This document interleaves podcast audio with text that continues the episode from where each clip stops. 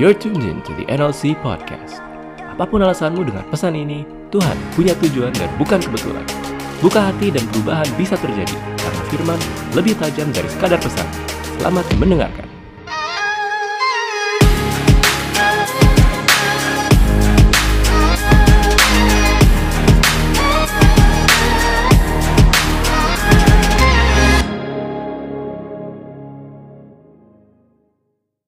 Hari ini kita akan berbicara tentang limitation. Uh, saya percaya kalian udah banyak mendengar tentang limitation uh, dari Merrick dan juga Ken ya beberapa minggu uh, terakhir ini. Oke, okay. limitation atau kita bisa bilang keterbatasan. Kadang limitation ini merupakan atau keterbatasan itu merupakan uh, kata yang negatif ya jadi selalu punya kita kalau mendengar kata terbatas itu kita di pikiran kita itu adalah suatu hal yang negatif, suatu hal yang kita uh, tidak sukai. Karena kadang-kadang keterbatasan itu suka menjadi alasan seseorang yang sebenarnya malas melakukan sesuatu, ya kak. Misalnya kayak, uh, ayo pelayanan musik, ah enggak sih, apa skill musik gue terbatas gitu ya. Atau mungkin uh, Ci butuh uang nih gitu kan. Oh yaudah coba uh, ngajar gimana mau nggak? Oh Inggris gue terbatas gitu. Kemudian uh, bikin kue gimana? Ah nanti susah budgetnya terbatas gitu ya. Jadi sebenarnya kadang-kadang dijadikan alasan untuk nggak melak orang yang malas ngelakuin sesuatu gitu. Nah, saya berdoa lewat sharing kita hari ini, um, biarlah kita akan belajar bahwa nggak selamanya keterbatasan itu buruk. Nggak, selamanya kita harus membenci keterbatasan-keterbatasan kita. Ya, Oke, karena keterbatasan itu bisa jadi alatnya Tuhan. Supaya kita boleh terus maju di dalam dia. Oke, nah keterbatasan itu ada banyak contohnya ya. Misalnya kita uh, sebagai kalau yang orang tua baru gitu ya mungkin terbatas dalam hal tidur gitu, dalam hal waktu ya. Atau misalnya kalau kita sakit, ya kita punya keterbatasan fisik. There are uh, some things that we cannot do gitu. Nah kalau misalnya mungkin anak-anak yang masih sekolah atau kuliah mungkin terbatas dalam hal uang, ya uangnya uh, sesuai belas kasihan orang tua gitu ya. Oke, okay. um, tapi kadang-kadang keterbatasan itu datang dalam bentuk yang lebih menyakitkan. Ya bisa jadi kesulitan hidup, kelemahan-kelemahan kita atau kegagalan kita. Yang kadang-kadang tuh overwhelming buat kita, malah bikin kita jadi patah semangat. Ya. Oke, nah kita akan belajar hari ini bahwa baik buruknya keterbatasan yang kita punya atau yang kita hadapi, kuncinya satu,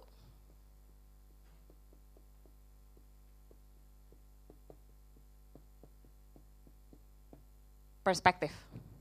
Ya. Oke.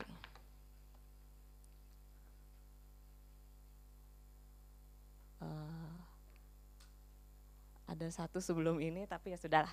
Oke. Okay. perspektif ya. Oke. Okay. Penglihatan atau apa yang kita lihat itu berbeda ya dengan perspektif. Nggak sama. Pandanglah situasimu dengan benar. Nah, kita nggak bisa merubah apa yang kita lihat tapi kita bisa merubah cara kita melihatnya. Gitu ya. Misalnya gini, kita baru dapat THR nih ya kalau yang kerja gitu. Eh, tahunya mesti servis mobil. Tahu kan ya, servis mobil itu kan membutuhkan uang yang itu besar gitu. Bagaimana cara kalian melihatnya? Aduh, baru gue dapet THR, gue mesti servis mobil lagi. Atau, eh puji Tuhan lo ada THR, jadi ada duit lebih, gue bisa servis mobil. Ya, jadi beda cara kita melihat suatu masalah. Oke, nah kita akan kelihatan enggak sih? Baiklah saya akan bacakan saja ya. Oke, kita akan lihat di bilangan 13 ayat 27 sampai 30 ini menceritakan tentang uh, kita udah mungkin sering dengar uh, 12 pengintai ya yang dikirim mus, uh, yang dikirim untuk mengintai um, Kanaan. Oke. Mereka menceritakan kepadanya, kami sudah masuk ke negeri, ke mana kau suruh kami? Dan memang negeri itu berlimpah-limpah susu dan madunya. Dan inilah hasilnya.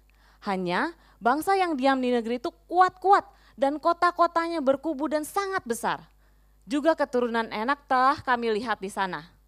Orang Amalek diam di tanah Negeb, orang Het, orang Yebus, dan orang Amori diam di pegunungan. Orang Kanaan diam di sepanjang laut dan sepanjang tepi sungai Yordan. Kemudian Kaleb mencoba mententramkan hati bangsa itu di hadapan Musa. Katanya, tidak, kita akan maju dan menduduki negeri itu sebab kita pasti akan mengalahkannya. Sepuluh orang dengan dua orang yaitu Yosua dan Kaleb. Statusnya sama sebagai pemimpin ya, pengintai, tapi imannya beda. Penglihatan apa yang mereka lihat sama kan? tapi perspektif mereka berbeda. Yosua dan Kaleb memandang masa depan lebih besar daripada kesulitan. Ya, oke. Jadi perspektif itu sangat uh, penting ketika kita melihat keterbatasan-keterbatasan kita. Nah, selalu ada dua sisi dari koin, ya. Di tangan saya nih ada koin gopek, koin koin 500. Satu angka yang satu gambar Garuda. Ya. Tergantung yang mana yang kita mau lihat. Demikian juga selalu ada dua cara pandang ketika kita melihat sesuatu. Mau melihat dengan cara yang baik atau melihat dengan cara yang buruk. Nah, hari ini saya akan membahas hal-hal yang bisa jadi keterbatasan kita, yang bisa jadi penghalang kita buat maju. Dan bagaimana cara pandang kita terhadap keterbatasan tersebut. Pertama, saya akan membahas tentang Gideon. Saya percaya kalian kayaknya bekas anak sekolah minggu ya. Jadi kurang lebih tahu ya uh, cerita Gideon. Nah kita tahu bahwa di hakim-hakim ini juga uh, tertera gitu ya bahwa ketika Tuhan meminta Gideon untuk membebaskan bangsa Israel, apa yang dia katakan? Ah Tuhanku, dengan apakah akan kuselamatkan orang Israel. Ketahuilah, kaumku yang paling kecil di antara suku Manasye dan aku pun paling muda di antara kaum keluargaku. Udah kaumnya paling kecil, dia juga paling muda, ya. Oke, jadi first saya akan bahas tentang Gideon. Gideon ini represents apa? Gideon ini represents fear. Rasa takut kita bisa menjadi keterbatasan kita untuk maju. Ya. Nah, kita bisa melihat apa nih? Coba. Saya selalu suka kalau menerima kabar gitu mendingan yang jelek dulu baru yang baik ya. Oke. Okay. What's the bad side? Apa sih um, bad side-nya dari um, ketakutan kita? Bahwa kita akan selalu back down in fear. Tenggelam juga mundur dan juga tenggelam di dalam ketakutan kita.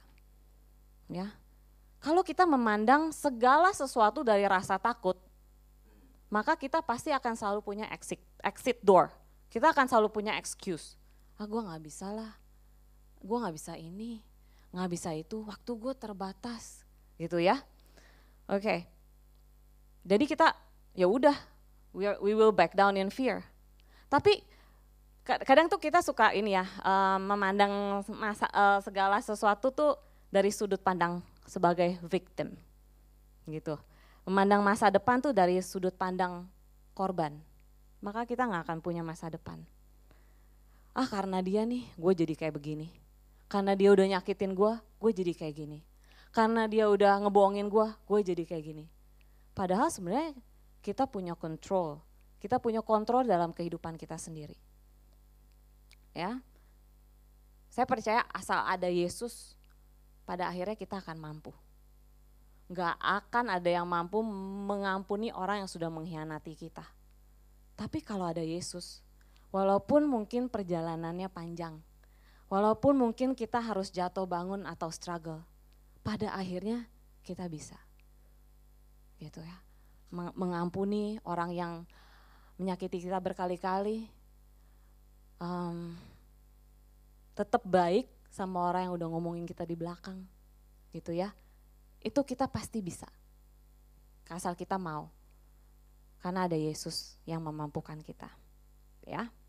Oke. Okay. Fear. Kadang-kadang kenapa sih kita merasa takut? Karena tuh kita nggak tahu apa yang Tuhan katakan tentang kita. Kita tuh jadi lebih tahu siapa diri kita kalau kita lebih mengenal Tuhan. Ya pengertian tentang diri kita sendiri sangat tergantung tentang pengertian kita tentang Tuhan. Nah gimana sih cara kita tuh lebih mengerti Tuhan? Kita mau gak mau, oke baca firman Tuhan. Jangan cuma tunggu orang translate gitu ya uh, firman yang ini buat kita. Eh, dengerin podcast is a good thing gitu. Tapi kalau kita baca apa yang Tuhan sur, apa uh, isi hatinya Tuhan gitu. Kadang-kadang Tuhan berbicara dengan lantang dan jelas melalui itu. Saya suka uh, quotes dari Martin Luther ini. We need to hear the gospel every day because we forget it every day. Karena tuh kadang-kadang saya aja ya, kalau kayak catatan-catatan saya yang lama gitu, kalau saya lihat lagi, kenapa gue bisa nulis gini ya? Gitu. Terus kok ternyata gue belum mampu melakukan yang ini gitu, yang gue tulis ya. Padahal kayaknya udah oke okay banget gitu catatannya gitu ya. Jadi kita harus baca setiap hari. Harus lebih mengenal Tuhan. Kita jadi lebih tahu Tuhan tuh siapa sih? Kita tuh siapa sih? Gitu ya. Kalau kita tahu siapa kita, nggak akan kita dengan mudah mempercaya apa yang orang lain katakan tentang kita. Walaupun ada perlunya ya, kalau misalnya teman baik kita menegur atau apa gitu, mungkin ada hal yang harus memang kita perbaiki, tapi kesalahan-kesalahan kita tuh nggak nggak menentukan siapa diri kita. Kita tuh bukan kesalahan-kesalahan kita. Bagi yang cewek-cewek gitu ya, nilai kalian tuh nggak terletak pada banyak atau enggaknya cowok yang suka sama kalian. Kalian tuh punya pacar atau enggak. Seberapa bagus badannya kalian. Enggak. Tuhan bilang kalian tuh berharga loh saya tuh sama anak-anak saya tuh kayak Phoebe sama Nuh kan sangat berharga. Saya gedein gitu ya, nggak tidur kalau mereka lagi sakit gitu harus mengalah uh, waktu dan segalanya. Dan buat saya di mata saya tuh mereka sangat berharga loh. Tuhan bilang we are the apple of his eyes. Nah itu dia kalian gitu ya.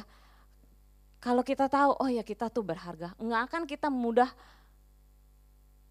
ke orang suka sama kita, kita langsung suka sama orang gitu. Orang mau pegang-pegang kita, oh ya nggak apa-apa deh, no. Gitu ya. Kita harga kita itu mahal, yang Tuhan udah tebus itu mahal, ya. Atau misalnya cowok gitu ya mungkin oh ya uh, sudah berapa banyak sih duit bapak lu? Gitu ya. Uh, apakah kamu sukses atau enggak? Seberapa banyak uang kamu? Kamu tuh pakai gadget apa sih? Pakai sepatu apa sih? Gitu.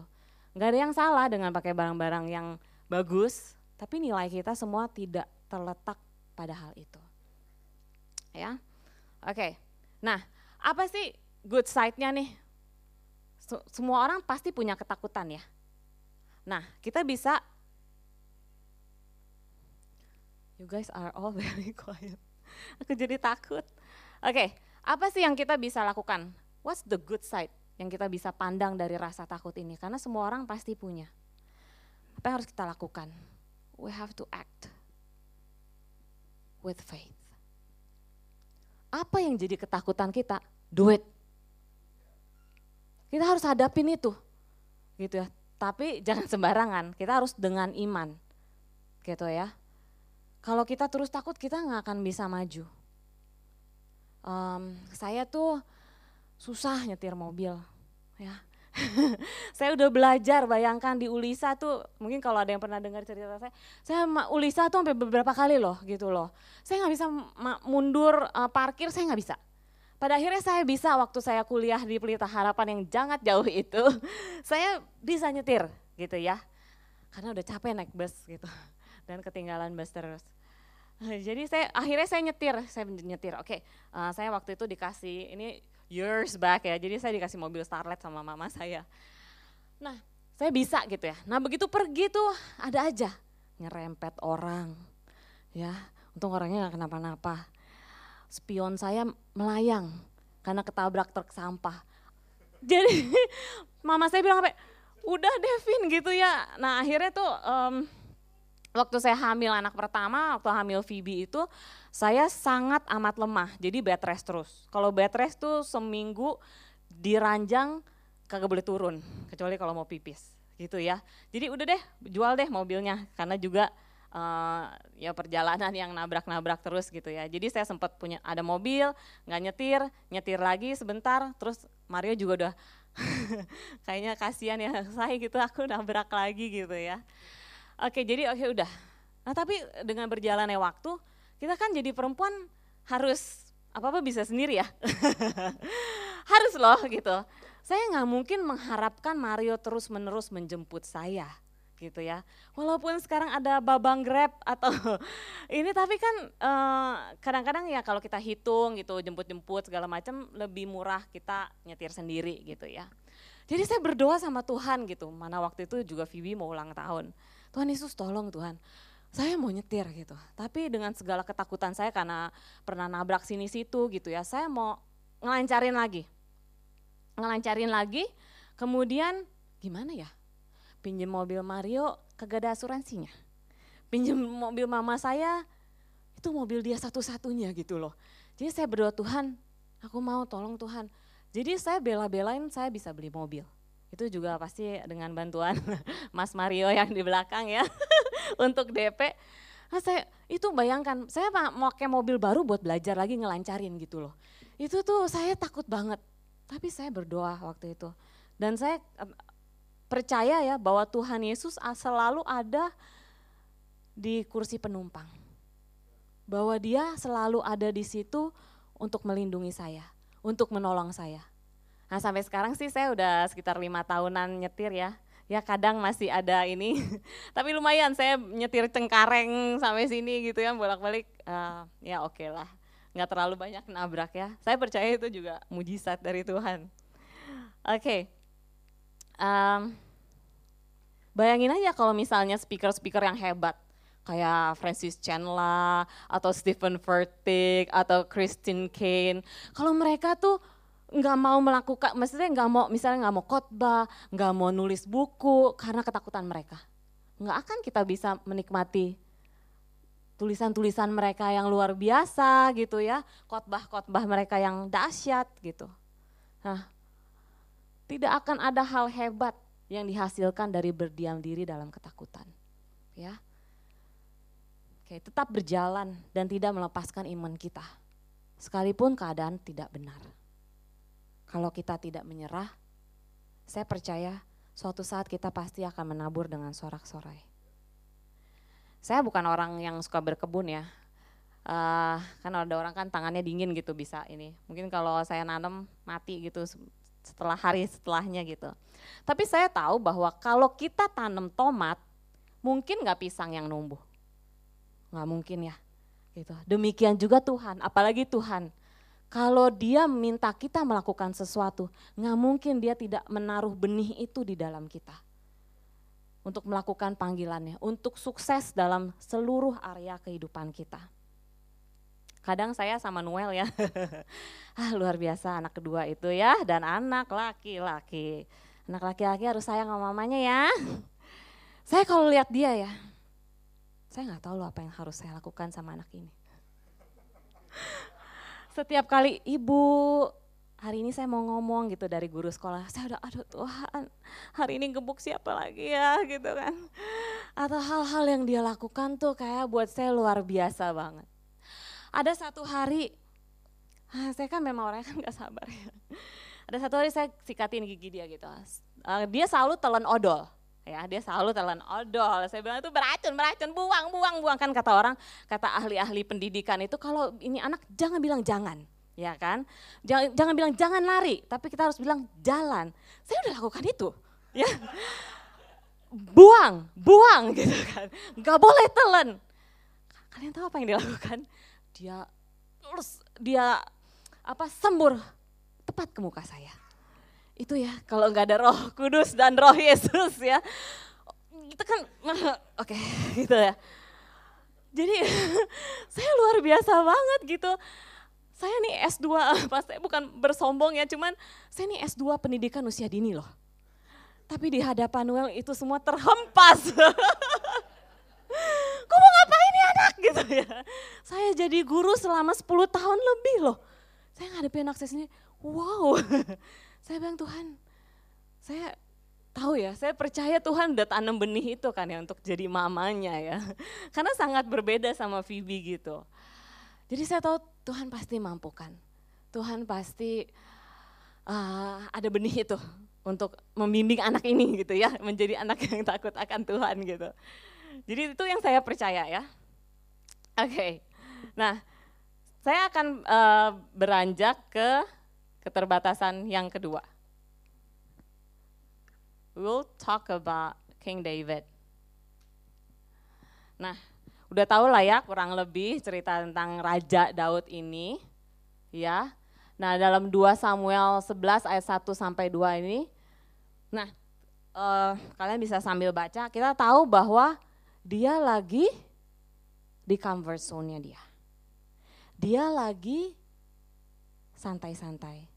Sementara dia menyuruh Yoab ya atau panglima perangnya untuk maju. Dan apa yang terjadi kemudian? Dia berzina dengan istri orang ya. Uh, bukan hanya itu dan juga membunuh gitu. Nah, apa sih yang direpresent atau yang uh, oleh Raja Daud ini? Yaitu keterbatasan itu dalam bentuk comfort. Kadang-kadang kita udah terlalu nyaman dengan diri kita sendiri. Jadi untuk melakukan ini itu kayaknya gimana gitu. Ya. Nah, apa sih? Ini kayak nggak muat deh. Um, the bad side. Jadi kita jadi males. Ah, gue nggak bisa deh gini. Gue males deh. Jadinya nggak ngapa-ngapain sama sekali. Banyak dari kita menginginkan promised land, hidup yang lebih baik gitu ya. Capek dengan hidup yang gitu-gitu aja tapi nggak mau bayar harga di atas harga rata-rata. Semua orang yang sukses itu tidurnya mungkin hanya empat jam sehari, ya. Mau nggak kita bayar harga di atas harga rata-rata? Kita nggak bisa loh klaim untuk sesuatu yang kita nggak bayar. Nggak bisa kita menuai apa yang kita nggak tabur, ya. Kita seharusnya tolong orang, malah kita sibuk menikmati hidup kita sendiri. Ingat Yesus tuh mengasihi kita waktu kita sedang berdosa. Waktu kita dalam keadaan yang sama sekali nggak pantas untuk menerima anugerah Tuhan. Karena itu ketika kita udah menerima anugerah itu, we have to extend the grace.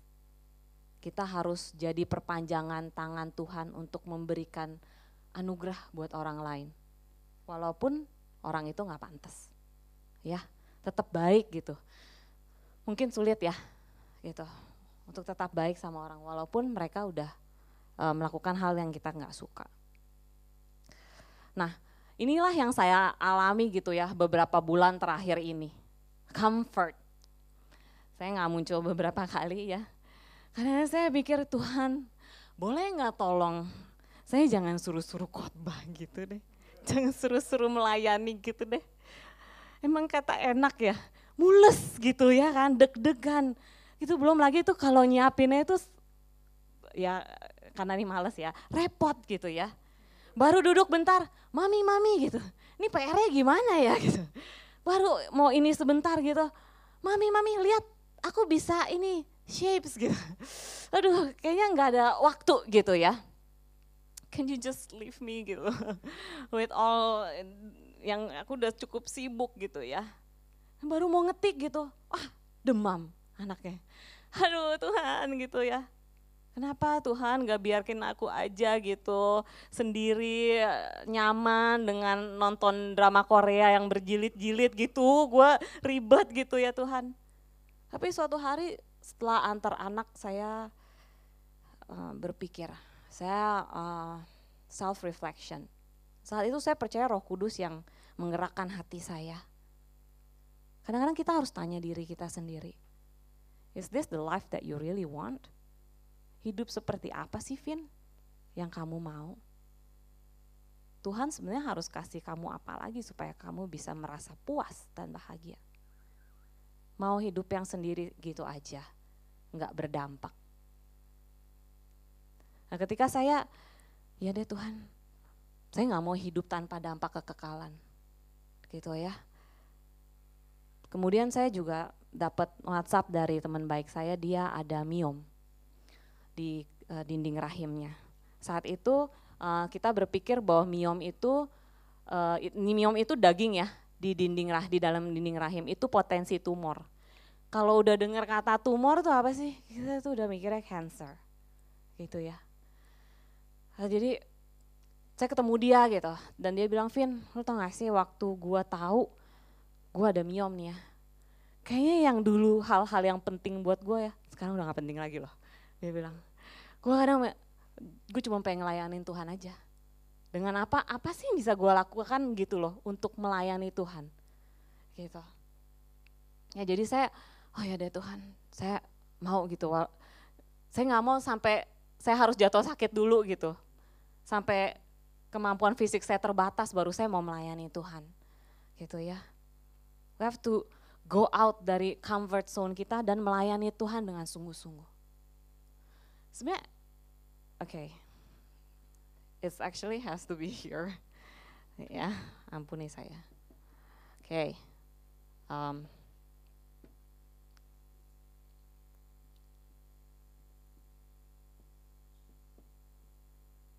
Okay. Sebenarnya ketika kita berada dalam comfort zone ini, berada dalam comfort zone kita, sebenarnya kita harus tahu bahwa sebenarnya itu kita lagi menikmati berkat-berkatnya Tuhan loh. Mungkin anak-anak yang eh udah gede loh gitu. Atau sekarang udah punya, udah kerja, udah lumayan ada uang untuk uh, membeli sesuatu ya nggak harus minta orang tua lagi. Lihat aja, Noel aja yang dulu digendong-gendong gitu ya. Sekarang dia udah bisa sekolah minggu sendiri. Itu kan hal-hal yang hal-hal kecil yang kita patut syukuri mendapatkan pekerjaan gitu ya. Gak mudah orang mendapatkan pekerjaan saat ini, tapi kita masih bisa kerja. Saya percaya itu juga anugerah Tuhan. Oke, okay. next. We'll talk about tree of life. Saya TOF aja ya. Oke. Okay. Nah, eh Bosen gak sih ya dengar khotbah melulu? kita main aja yuk. Oke, okay. nah kita akan, kenapa saya minta kalian pindah, maaf ya, kalian harus keluar dari comfort zone. Nah, kita akan main tebak tokoh ya. Saya tahu anak beberapa kalian kan bekas anak sekolah minggu, jadi pasti tahu. Saya udah coba ini ke Phoebe, dan dia tahu jawabannya, jadi kalian pasti lebih jago daripada Phoebe. Oke, okay. uh, kita akan bagi jadi dua kelompok. Nah loh anak gue datang.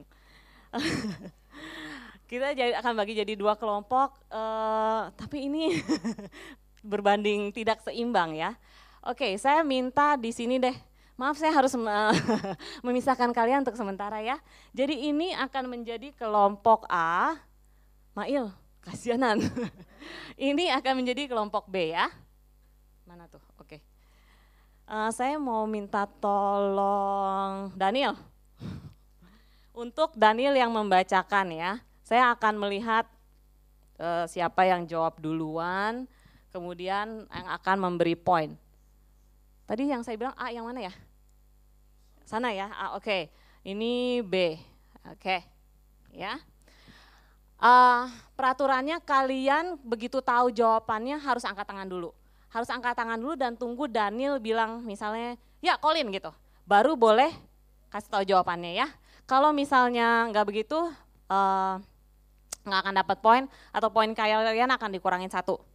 Kemudian, uh, jadi harus tunggu. harus tunggu ya, harus tunggu, harus disebut dulu namanya, baru boleh uh, jawab. Oke, okay. siap? Oke, okay, kelompok A, kelompok B. Ini sebenarnya ada jawabannya kalau kalau gue lupa di belakang sih. Atau gue. Bisa jadi. Nih nih. Oke. Nomor satu, aku adalah pemungut cukai yang memanjat pohon untuk melihat Yesus. Siapakah aku? Duluan, eh, lihat, lihat, lihat. duluan Jani. Oke. Benar, benar. kelompok A. Oke. Gue pas baca aku adalah pemungut cukai. Iya, gue pemungut cukai. Oke, pertanyaan nomor dua. Aku adalah raja Israel dengan jumlah istri dan selir terbanyak. Siapakah? Colin duluan. Oke. Kenapa gue mesti cek lagi? Takut salah. Oke, aku adalah martir pertama yang mati bagi Yesus. Siapakah aku? Mail. Kayak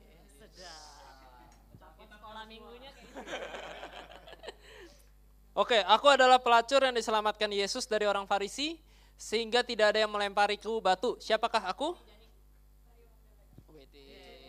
A ya? Oke. Walaupun cuma lebih sedikit tapi kayaknya A ini berjaya loh. Ayo dong yang B. Oke, hadiah lagi. Shame. Oke, aku adalah penulis loh batu berisi 10 hukum Taurat. Siapakah aku? Soin. Hah? Salah Soy.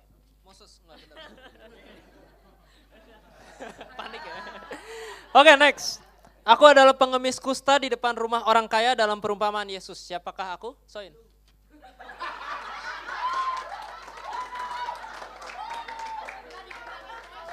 Kurangin dua. Eh, siapa Mail? Apa? Gue dengernya lu. Udah salah. Habis itu Mail. Mail jawab.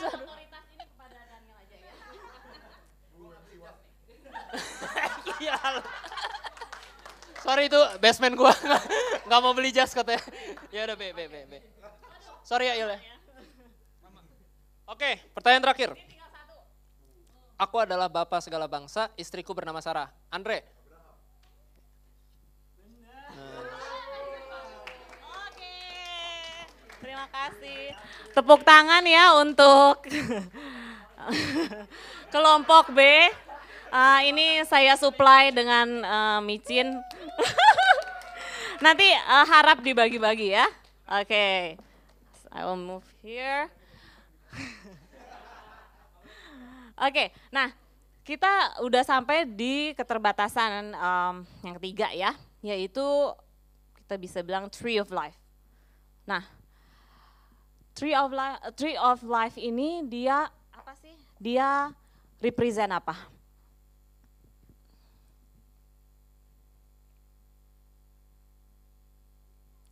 Rules atau boundaries. Ya. Nah, seperti yang kita ketahui gitu di Kejadian 3 ayat 2 sampai 3. Lalu saut perempuan itu kepada ular itu. Ini eh, perintah pertama dari Tuhan ya. Buah pohon-pohonan dalam taman ini boleh kamu makan. Kamu itu seharusnya. Tetapi eh kami, tapi tentang buah pohon yang ada di tengah-tengah taman, Allah berfirman, "Jangan kamu makan ataupun raba buah itu, kamu akan mati." Apa aja aturan-aturan tadi dalam games tadi? Harus tunjuk tangan, harus jawab kalau udah disebut namanya, gitu ya. Nah, bisa bayangin nggak kalau kita mainnya nggak pakai aturan? Bisa chaos gitu ya. Ini masih lebih sedikit kalau lebih banyak orang akan lebih rusuh. Nah, that's why we need limits. Kita butuh keterbatasan yang kadang-kadang tuh datang dalam bentuk aturan-aturan atau boundaries. Hmm, apa sih sisi buruknya dari aturan-aturannya Tuhan gitu ya? Kita mungkin akan jadi jadinya kita do nothing dalam keterbatasan kita, enggak, enggak usah ngapa-ngapain. Kadang karena limits itu ya keterbatasan itu bikin kita tuh jadi nggak bisa ngapa-ngapain. Jadinya kita nggak mau ngapa-ngapain. Jangan melihat aturan-aturan Tuhan tuh sebagai beban. Ya, Em, saya percaya Tuhan menciptakan itu untuk kita juga kok. Saya suka uh, ini dari Dr. Carolyn Leaf. If you see something as a big burden, you might miss an opportunity. Kalau kita melihat segala sesuatu tuh sebagai beban, bisa aja kita kehilangan kesempatan. Kadang berkat aja bisa berat loh kalau kita melihatnya jadi beban. Gitu ya. Oke, kemudian apa sih the good side Duh, ini mepet banget. Uh, dengan keterbatasan-keterbatasan kita, apa sih yang bisa kita lakukan? Kita bisa menerima dan mencintai keterbatasan-keterbatasan kita. Mungkin saat ini kita nggak punya banyak waktu. Mungkin saat ini kita nggak punya banyak uang untuk kita berikan kepada Tuhan gitu. Tapi nggak apa-apa, kita terima gitu ya dan mencintai gitu. Make the most with what God puts in your hand. Bikin sesuatu laku, gunakan sebaik-baiknya apa yang Tuhan taruh di dalam tangan kita sekarang. Walaupun mungkin sedikit, walaupun mungkin lingkup pelayanan kita kecil, ya skalanya kecil nggak besar. Tapi sebenarnya kalau kita berpikir ya, kenapa sih kadang-kadang tuh kita maunya pelayanannya yang dalam skala besar? Karena kan sebenarnya tujuannya sama ya, untuk memuliakan Tuhan.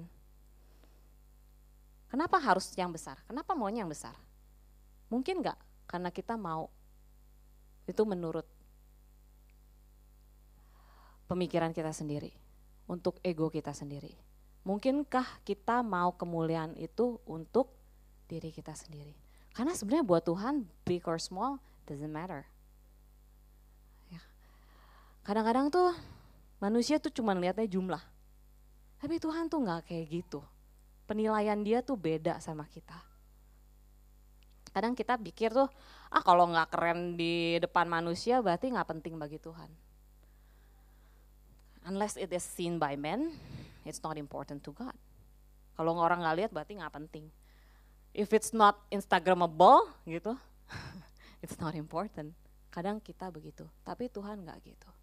Tuhan lihat hati kita. Ketika kita melayani dalam jumlah yang kecil, ketika kita jadi berkat untuk orang-orang rumah kita sendiri. Karena orang-orang yang hebat tuh orang-orang yang dihormati di dalam keluarganya sendiri. Karena keluarga yang paling tahu siapa sih diri kita sesungguhnya. Gitu ya. Oke. Apa yang kita bisa ubah? Kita ubah. Semua harus dari diri kita sendiri. Jangan kita nggak bisa minta, ah dia harus berubah, pacar gue tuh harus gini gini gini gini Ci, suami gue tuh harus gini gini gini gini Ci, harus berubah. Apalagi dalam term of relationship ya. Saya belajar, saya melihat papa mama saya, saya melihat mertua saya. Mereka menghabiskan seluruh kehidupan pernikahan mereka untuk melihat ya mama saya ya, untuk melihat papa saya berubah tapi sampai papa saya dipanggil Tuhan. Jadi bukan goal hidup kita untuk mengubah orang lain. Gitu. Kita aja yang berubah.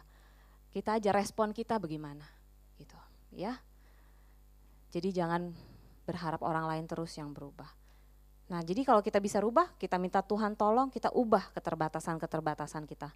Lu gak bisa Inggris, ya lu belajar. Lu gak bisa main musik, ya lu ngeles. Memang harus ada harga yang kita bayar ya nikmati dan cintai keterbatasan itu.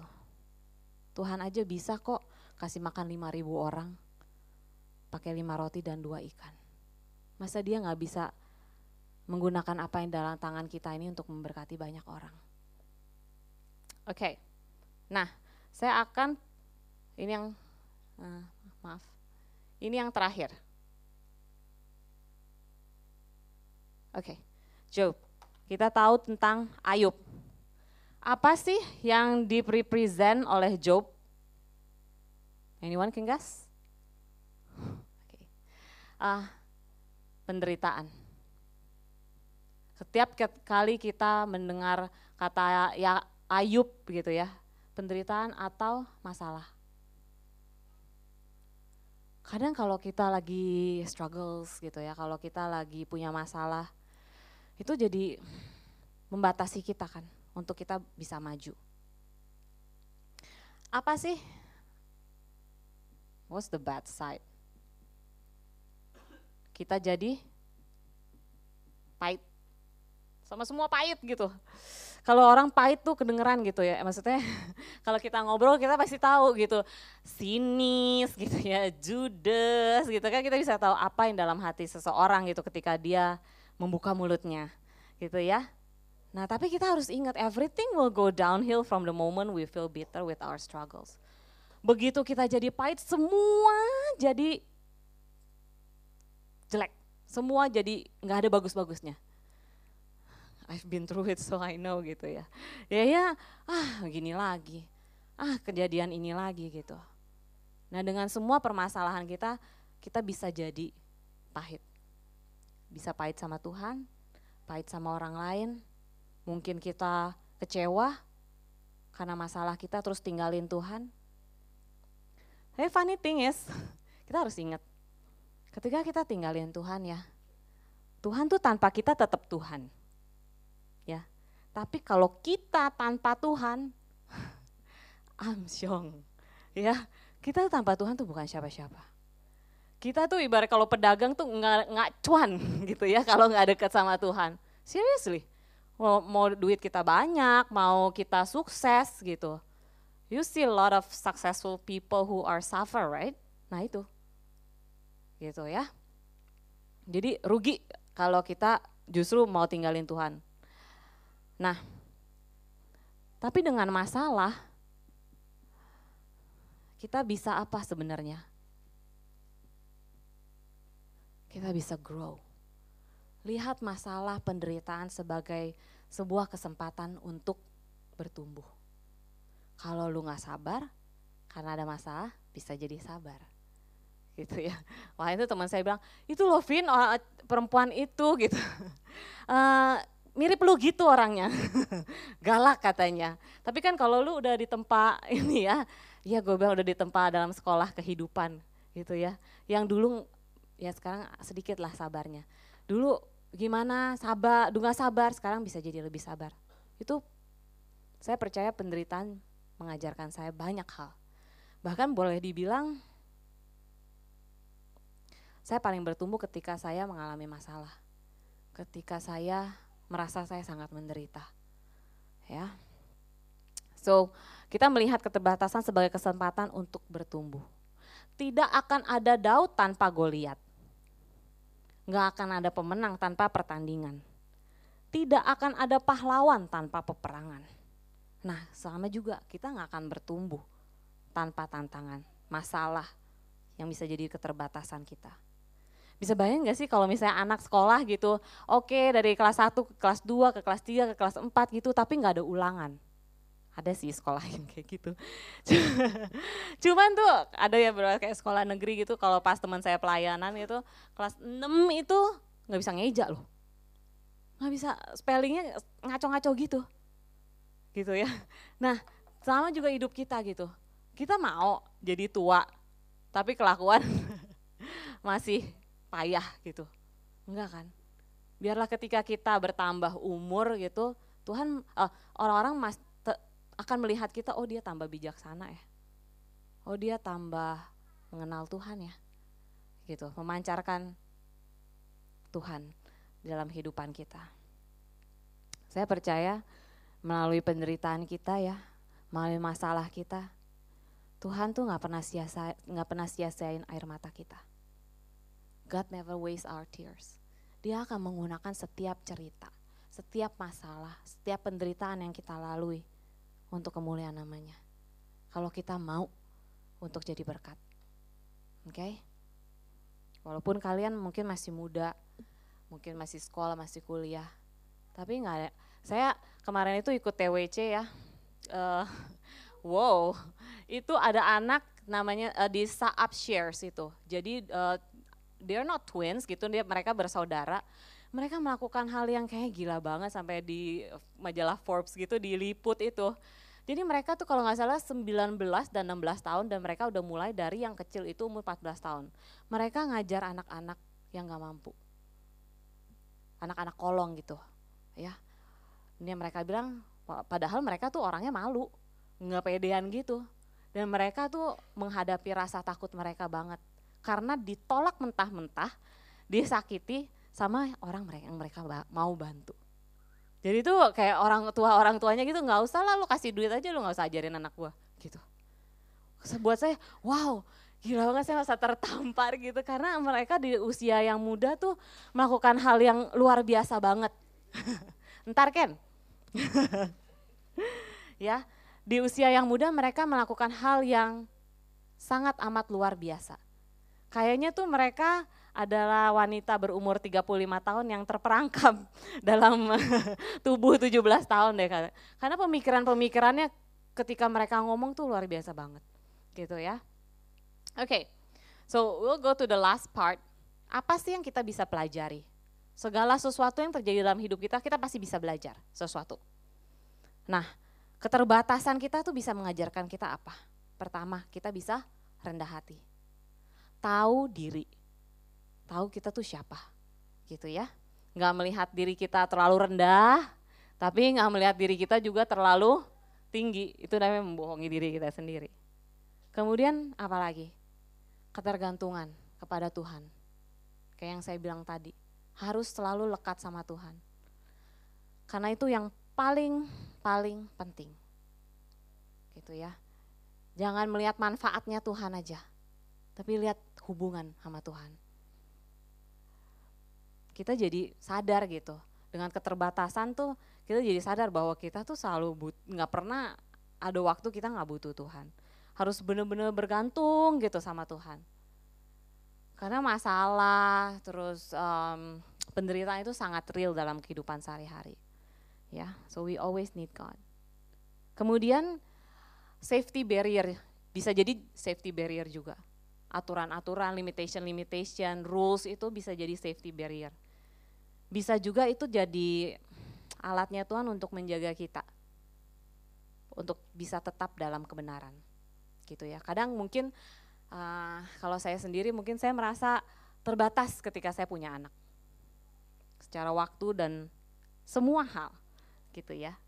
Tapi saya dulu berpikir Tuhan apakah saya akan kembali ke kehidupan lama saya? Yang carut marut gitu. Waktu saya nggak ngajar lagi di IPK. Karena IPK kan Kristen banget tuh ya. Dan itu merupakan sebuah komunitas Kristen yang luar biasa buat saya. Gitu. Jadi saya nggak yakin diri saya kalau saya keluar dari situ apakah saya akan tetap sama Tuhan. Gitu. Karena waktu saya masuk juga saya masih merokok sebenarnya gitu ya. Masih pergi clubbing gitu. Tapi sekarang kalau sebagai mama gitu ya. Kalau mau ngapa-ngapain kalau mau melakukan hal yang buruk gitu atau mau balik ke diri saya yang dulu gitu saya lihat anak-anak. Walaupun mereka bisa jadi keterbatasan saya tapi mereka adalah safety barrier saya. Menjaga saya untuk oh ya gue harus jadi at least gue harus jadi orang tua yang benar. Walaupun many mistakes many failures gitu at least I try my best. Gitu ya. Ya seperti yang saya udah sebutkan di awal, limitation is not always a bad thing. Bagaimana perspektif kita melihat keterbatasan-keterbatasan kita. Keterbatasan dari Tuhan bisa jadi merupakan hadiah buat kita.